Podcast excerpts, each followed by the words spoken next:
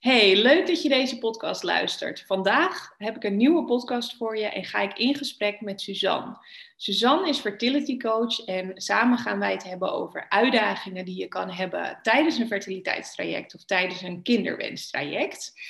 Um, voordat ik helemaal van start ga en allerlei vragen ga stellen aan Suzanne, denk ik dat het heel fijn is als Suzanne zichzelf eventjes uh, in kort introduceert, zodat jij een beetje beeld hebt bij uh, wie Suzanne is en uh, wat Suzanne allemaal doet. Dus Suzanne, welkom. Leuk dat je er bent in deze podcast. En misschien wil je jezelf een beetje introduceren aan de luisteraars. Absoluut. Ik ben Suzanne en ik ben onlangs gestart als fertility coach slash ervaringsdeskundige. Um, ik heb uiteindelijk van mijn droom een doel gemaakt en dat is uh, andere wensouders begeleiden tijdens het mentale proces van het fertiliteitstraject. Deze droom is ontstaan uit onze eigen ervaring binnen ons fertiliteitstraject. Ik heb een achtergrond met een eetstoornis en vanuit daaruit is onze kinderwens in gevaar gekomen en uh, zijn wij in het fertiliteitstraject beland. Nu, een aantal jaren later, um, ondervind ik af en toe daar nog steeds wel uh, nou, hinder van, van de, van de dingen die er in die tijd zijn gebeurd. En um, daar wil ik eigenlijk als coach zijnde anderen in begeleiden om deze dingen niet te hoeven ervaren. Het afgelopen jaar heb ik heel veel onderzoek gedaan uh, met andere wensouders die ik gesproken heb. En daar ben ik achter gekomen dat er uh, twee gemene delen zijn die vaak terugkomen binnen het fertiliteitstraject. En dat is te veel stress en te veel onzekerheid. En daar heb ik in mijn trajecten ook uh, de eerste modules op ontwikkeld. En uh, daar gaan we het vandaag verder over hebben. Over onze, uh, wat wij hebben meegemaakt, Lotte en ik dan, over stress, onzekerheid, verliezen van controle. En hopen dat jullie daar herkenning in vinden. Maar ook dat we het te kunnen hebben over wat wel kan. En daar gaan we het over hebben. Ja. ja, en ik denk dat onze toegevoegde waarde voor onze link daarin, zeg maar, naar als we het over onszelf hebben, natuurlijk, is dat wij we beide ja, fertiliteitstrajecten hebben doorlopen. Allebei op een andere manier, allebei met een, een andere achtergrond misschien wel. Um, maar daar ook heel veel gemene delers inderdaad in zitten, wat jij net zo mooi zegt. En ik denk dat dat voor zoveel vrouwen um, troost kan bieden, of in ieder geval houvast kan bieden, als je je herkent in de verhalen van anderen. Dat je ook ontdekt dat je niet alleen bent. Hè? Dat jij niet de enige bent die zich uh, misschien wel schaamt. Of hè, dat je je onzeker voelt. Of al die baalmomenten die er zijn. Dat het dus niet zo heel erg uitmaakt welke reden er wel of niet is. Maar dat het hele ja, hebben van een kinderwens die niet zomaar in vervulling gaat. Dat dat zoveel met zich meebrengt. Dat de achtergrond niet eens echt heel erg uitmaakt. Maar dat je gewoon ja, voelt dat je niet alleen bent en dat er zoveel speelt, zoveel ja, is eigenlijk wat bespreekbaar gemaakt mag worden. Hè? Want ik denk dat dat nog een gemene deler is die uh, wij hebben, jij en ik, uh, Suzanne. Dat wij allebei wel echt heel erg de wens hebben om het taboe daaromheen echt meer te doorbreken. Dat dat wel echt een van onze doelen is ook. Absoluut. Want uh, de hoeveelheid wensouders die ik al gesproken heb, is vaak dat um, de omgeving veelal uh, of geen begrip heeft of het niet begrijpt. Um, maar dat we vaak onszelf daarin ook verliezen. En ik zeg altijd, uh, jij hebt een leven en in dat leven uh, zit jij in een fertiliteitstraject. Maar jouw fertiliteitstraject is niet jouw leven.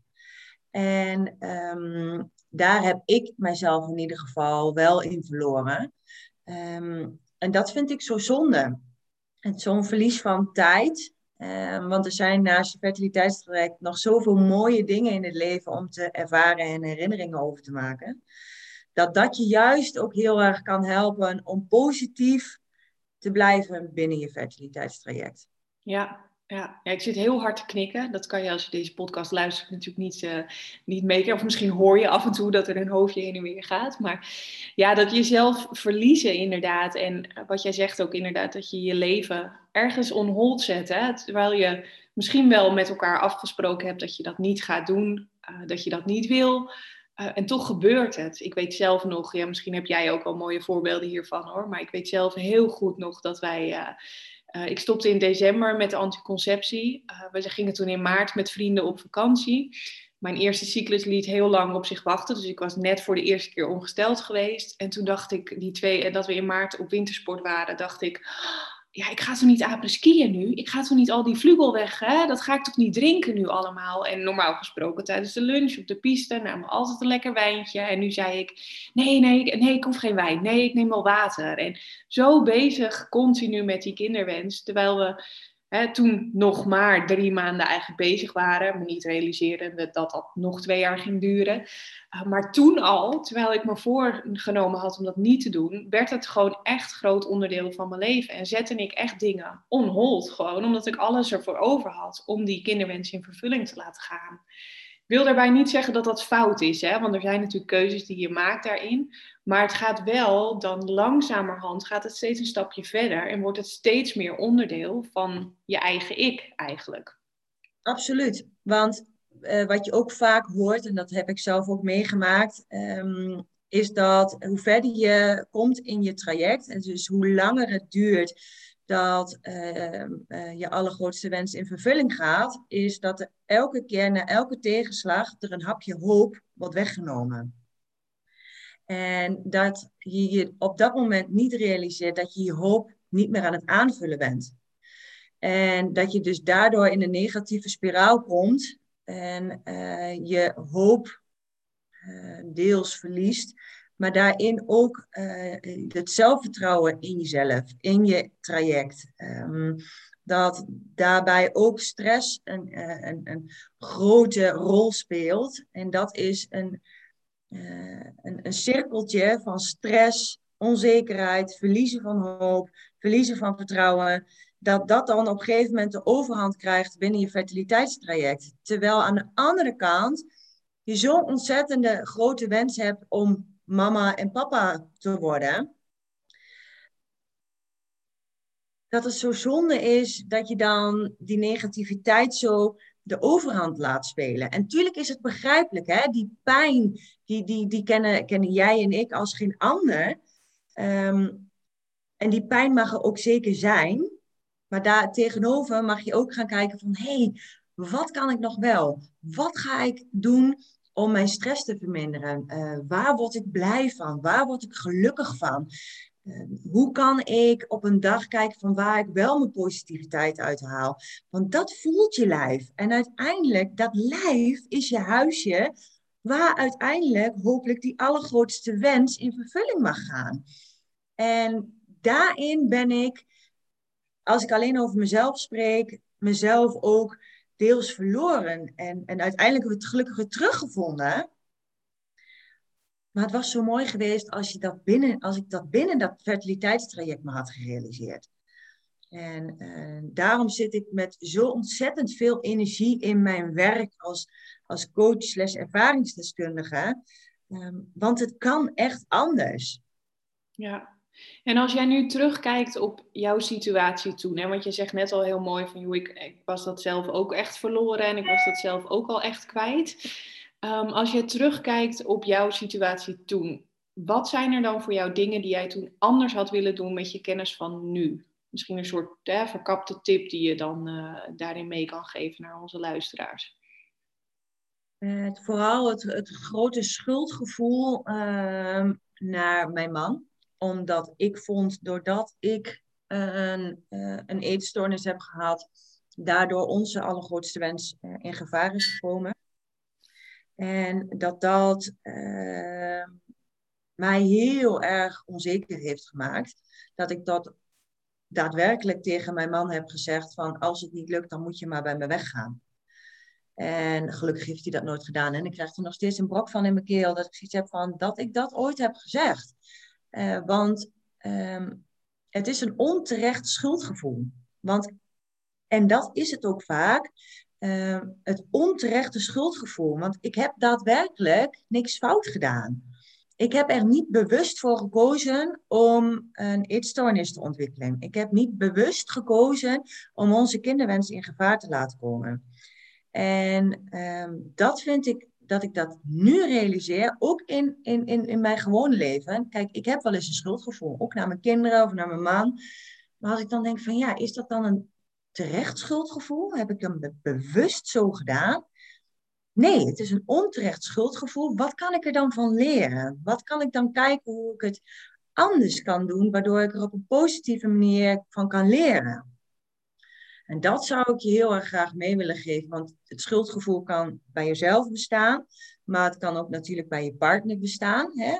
Ehm, en om dat bespreekbaar te maken van, hé, hey, het is onterecht schuldgevoel. Niemand is hier schuldig aan het feit dat wij op dit moment geen kinderen kunnen krijgen. Ja, mooi. Ja. En als je je dat bewust van wordt, dan valt er zo'n last van, van je af en kun je verder. En kun je bedenken van, hé, hey, het schuldgevoel dat bestaat en hoe ga ik het aanpakken? Ja. Het is mooi wat je zegt, want dat triggert bij mij ook gewoon gelijk weer iets. Uh, jij, uh, bij jou was het natuurlijk heel erg richting het eet, de, je eetstoornis en alles. Uh, in mijn geval ja, werden we niet zomaar ouders, bleek er ook geen diagnose te zijn. Maar ook ik heb letterlijk tegen mijn man gezegd: als het niet lukt, moet je maar naar een ander gaan. Weet je, misschien is er een ander die jou wel een kind kan geven, want ik kan het jou niet geven op dit moment. En ja, weet je, er was, er was niet eens een diagnose. Er was geen reden waarom ik het op mezelf betrok. Dus wat jij zegt over onterecht schuldgevoel, ik denk dat dat een heel groot punt is bij heel veel wensouders. Uh, of er nou een diagnose is, of er een oorzaak is, hè, eh, of er nou uh, bij de man iets niet goed zit, bij de vrouw iets niet goed zit, of dat er een historie is waardoor je mogelijk iets verstoord hebt. Het is heel mooi wat je zegt. Ik heb er niet voor gekozen om een eetstoornis te krijgen. Weet je, je hebt er ook niet als je, in jouw geval hè, als vrouw zijnde, als je bijvoorbeeld endometriose hebt, heb je ook niet gekozen voor endometriose. Je hebt niet gekozen voor een beperkte vruchtbaarheid of uh, de partner heeft niet gekozen voor een verminderde zaadkwaliteit. Het is inderdaad een ontzettend onterecht schuldgevoel. En wat je natuurlijk creëert met zo'n schuldgevoel is dat je wel in je eigen lijf onbewust heel veel stress ophoopt. Hè? Dit is onbewuste stress eigenlijk, wat heel veel uitwerking heeft weer op uiteindelijk je kansen om zwanger te raken. En dat is die hele gemene visuele cirkel natuurlijk in dit hele traject. Het heeft zo ontzettend veel invloed op hoe je je verder voelt, maar ook hoe je lijf gaat reageren in processen, dat je daarmee onbewust ook weer je eigen kansen saboteert eigenlijk. Ja, en het is vaak ook, um, het is even een wetenschappelijk stukje. Uh, je hebt uh, je linker hersenhelft, uh, daarin zit ook je innerlijke saboteur, dus, je negatieve negativiteit. En um, dat hoort ook heel erg bij dat stukje onterecht schuldgevoel. En um, wat vaak zo'n innerlijke saboteur, misschien is dat herkenbaar voor jou die luistert, is uh, verteld om angst om anderen inderdaad teleur te stellen, angst om afgewezen te worden, moeite om je eigen behoeften daarin voorop te stellen. Um, maar ook door dat onterechte schuldgevoel um, een te groot verantwoordelijkheidsgevoel te hebben. En, nou, en wat ik altijd soms ook nog steeds, maar wat ik, bij mij heel erg heeft gespeeld, is angst om niet goed genoeg te zijn. Ehm, en dat is, als ik die woorden uitspreek, dat ik denk van ja, angst om niet goed genoeg te zijn. Voor wie? Voor wie ben ik dan niet goed genoeg? Ik voelde me niet goed genoeg toen de tijd voor mijn man. Maar was ik dan ook niet goed genoeg om een kindje te mogen krijgen? En uh, dat zijn van die zaken die inderdaad zo ontzettend stressbevorderlijk zijn. Dat ik mij daar nu heel erg van bewust ben. En dat ik ook nu weet hoe ik het anders wil en hoe ik het ook anders aan kan pakken. Maar dat ik dan wel denk van jeetje, had ik dat op dat moment maar geweten? Had iemand mij dat maar verteld? Had ik daar maar met iemand over kunnen praten? En dat is ook dat stukje taboe doorbreken niet alleen taboe van fertiliteitstraject, maar ook taboe om te praten over daadwerkelijke onterechte, ik zeg helemaal onterechte tussen haakjes, schuldgevoelens. En ehm, nou, dat is iets waar ik mij zo ontzettend hard voor wil maken, helemaal als coach zijnde. Um, ja, het is mooi, want ik zie nu natuurlijk de, ik zie, hè, ik zie hoe je daarbij kijkt en ik zie de, de passie in je, in je lijf daarin gewoon. Uh, en ik zit ook daar wederom heel erg mee te knikken de hele tijd, omdat ik denk, ja, dit, dit is gewoon inderdaad wat de toegevoegde waarde is van hè, een, een ander soort begeleidingstraject doorlopen dan alleen een medisch traject. Ik denk bij jou, uh, maar durf dat inmiddels over mezelf ook wel te zeggen, ook omdat je juist als ervaringsdeskundige, weet je, geen gevoel wat in mijn praktijk, maar waarschijnlijk ook bij jou uh, verteld wordt, herken ik niet.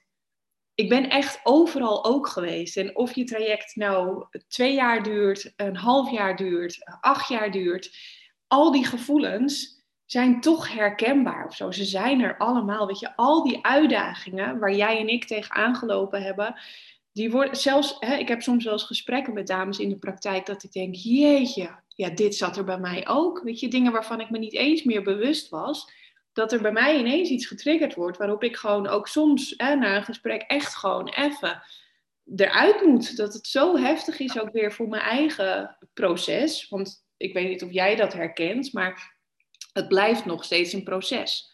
Weet je, het is nog steeds een onderdeel van je leven geweest, hè? maar het is er nog steeds gewoon. En, en het is gewoon iets wat je gevormd heeft tot wie je nu bent.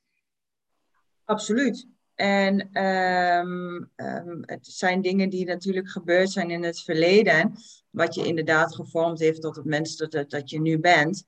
En ik ben gewoon wel in die zin heel blij dat ik al die dingen wel heb mee mogen maken in die zin. Want ik sta op dit moment zoveel meer positiever in het leven.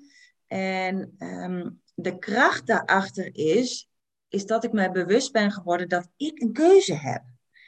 En ehm, ik heb heel lang gewezen met een vinger naar een ander. Ehm, door de ander komt het dat ik mij zo voel. De ander triggert mij dat. de omgeving uh, vindt dat, daardoor voel ik mij zo. Nee, ik sta nu aan de regie van mijn eigen leven. Ik weet dat ik, ieder heeft, maar een innerlijke saboteur. En ik ben diegene die mag bepalen of ik daar naar luister, ja of nee. En of ik daar wat mee doe, ja of nee. En ehm, daar is ook heel erg op gebaseerd, op de manier waarop ik coach. Dat je, dat je er zelf achter komt wat het maakt dat jij doet zoals je doet. En, ehm, en op die manier alleen kun je bij jezelf verandering aanbrengen. Niet omdat ik een magisch stafje heb en dan jou in één keer positief kan laten voelen. Nee, zelf op onderzoek gaan en ik geef je een aantal handvatten en af en toe ehm, vraag ik door. En ehm, zo kom je erachter wat jij wil. Hoe, hoe, hoe wil jij in je eigen kracht staan? En um, ja, dat, zijn, dat, en dat komt alleen door die eigen ervaring die ik zelf heb meegemaakt. En ik weet niet hoe jij dat bekijkt, hoe jij nu op de manier waarop jij anderen uh, begeleidt, dat je daar ook heel erg je eigen ervaring in meeneemt. Zeker, zeker, ja. Ja, en ik zie dat ook echt wel gewoon echt als een kracht daarin. Um, juist ook in dit het is zo kwetsbaar natuurlijk. Juist omdat ik weet hoe onzeker je kan zijn. Juist omdat ik weet hoe je inderdaad jezelf kan saboteren. En hoe je nou ja, met de 180.000 dingen tegelijk bezig bent. Of weer op Google gaat. En weer hè, verhalen van anderen gaat lezen waarvan je denkt, oh dit wordt... Hè, hier word ik rustig van, dit vind ik fijn om te lezen. Terwijl je eigenlijk jezelf alleen maar aan het ja, dwarsbomen bent, gewoon daarin. Uh, dus ik, ik breng dat zeker ook, uh, ook wel in de praktijk. Nou hebben wij natuurlijk wel een iets ander werkveld, om het even zo te zeggen. Eh, jij bent natuurlijk veel meer op het mentale gebied. Ik ben natuurlijk veel meer op het praktische gebied in die zin van voeding en leefstijl en dat soort dingen. Dus ik denk dat het bij jou nog dieper gaat op het mentale gebeuren. Kijk, natuurlijk is het bij mij onderdeel. Maar zoals jij daarna mee omgaat, is dat veel meer verdieping daarop. Ehm, even terug naar de uitdagingen hè, verder in de kinderwens. Want we gaan natuurlijk nu heel erg over nou ja, wat, je dus, hè, wat er in je hoofd gebeurt allemaal en hoe je dat eigenlijk hè, jezelf minder waardig voelt in zo'n traject. Waren er voor jou andere dingen waarvan je zegt, ja, als ik nu terugkijk daarop, was dat ook echt iets waar ik mezelf anders in had willen neerzetten of waarin ik misschien verkeerde keuzes heb gemaakt? Relatief, hè, verkeerde keuzes. Want ja, weet je, je doet het op dat moment naar wat, voor, wat jij denkt dat goed voelt. Uh, ja, want als, je, als ik terugkijk, is het een, een, een grote opeenstapeling geweest van heel veel dingen. Uh, binnen het fertiliteitstraject, maar ook hè, binnen mijn leven gewoon überhaupt. En die opeenstapeling van heel veel dingen maakte dat je op, ik op een gegeven moment geen keuzes meer kon maken op basis van wat ik daadwerkelijk voelde. Uh, in het ziekenhuis uh, worden je, wordt je heel veel verteld, uh, medische onderzoeken, worden medische termen gebruikt. Ehm, en daarbij dat je dus wat ze zeggen in het ziekenhuis um, aanneemt als waarheid. En um, dat, dat vind ik wel heel, heel, heel zonde.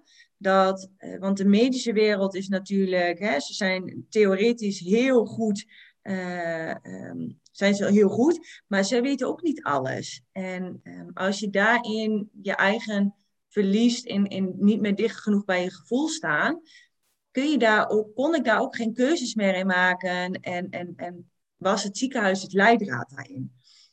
En nu zeg ik vooral van, hey, ga kijken naar uh, dat innerlijke gevoel en wat jou vertelt van, hey, uh, wat ik zo vaak hoor is van, ja, maar het klopt niet.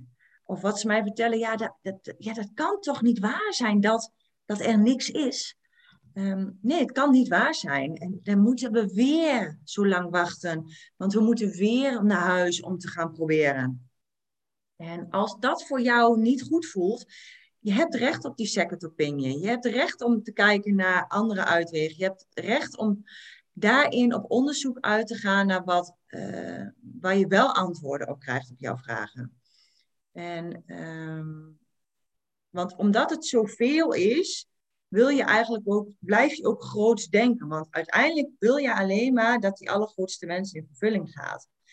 Maar als je te groots blijft denken, dan weet je niet meer hoe je moet beginnen om uiteindelijk bij dat grootste te komen.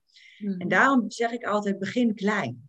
Begin klein om je bewust te worden van wat je daadwerkelijk wil. En daarin zijn gewoon mooie kleine opdrachten, waarin je dus weinig tijd uh, nodig hebt om je bewust te worden van wat je daadwerkelijk voelt.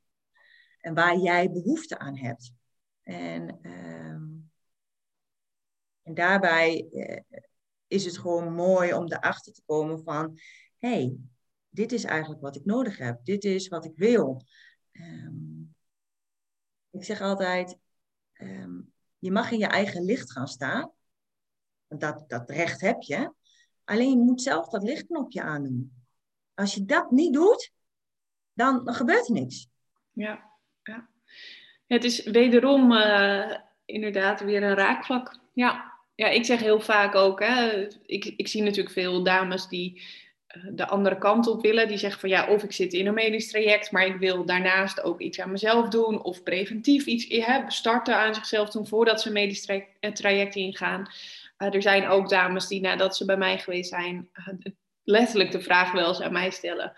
Joh, ben jij oké als ik nu naar het ziekenhuis ga? En ik zeg altijd, weet je, het is jouw traject. Ik ben alleen maar ontzettend blij voor die dames die hun eigen weg daarin ook echt kiezen. Want ik denk dat mijn fout daarin geweest is, en ik hoor die ook ergens bij jou, is dat ik gewoon op die sneltrein gesprongen ben, zeg maar, die fertiliteitstraject heet. Dat ik alles aangenomen heb wat de artsen mij toen zeiden, terwijl ook ik inderdaad voelde, het klopt niet. Het kan niet. Weet je, er wordt mij gezegd dat er geen diagnose is.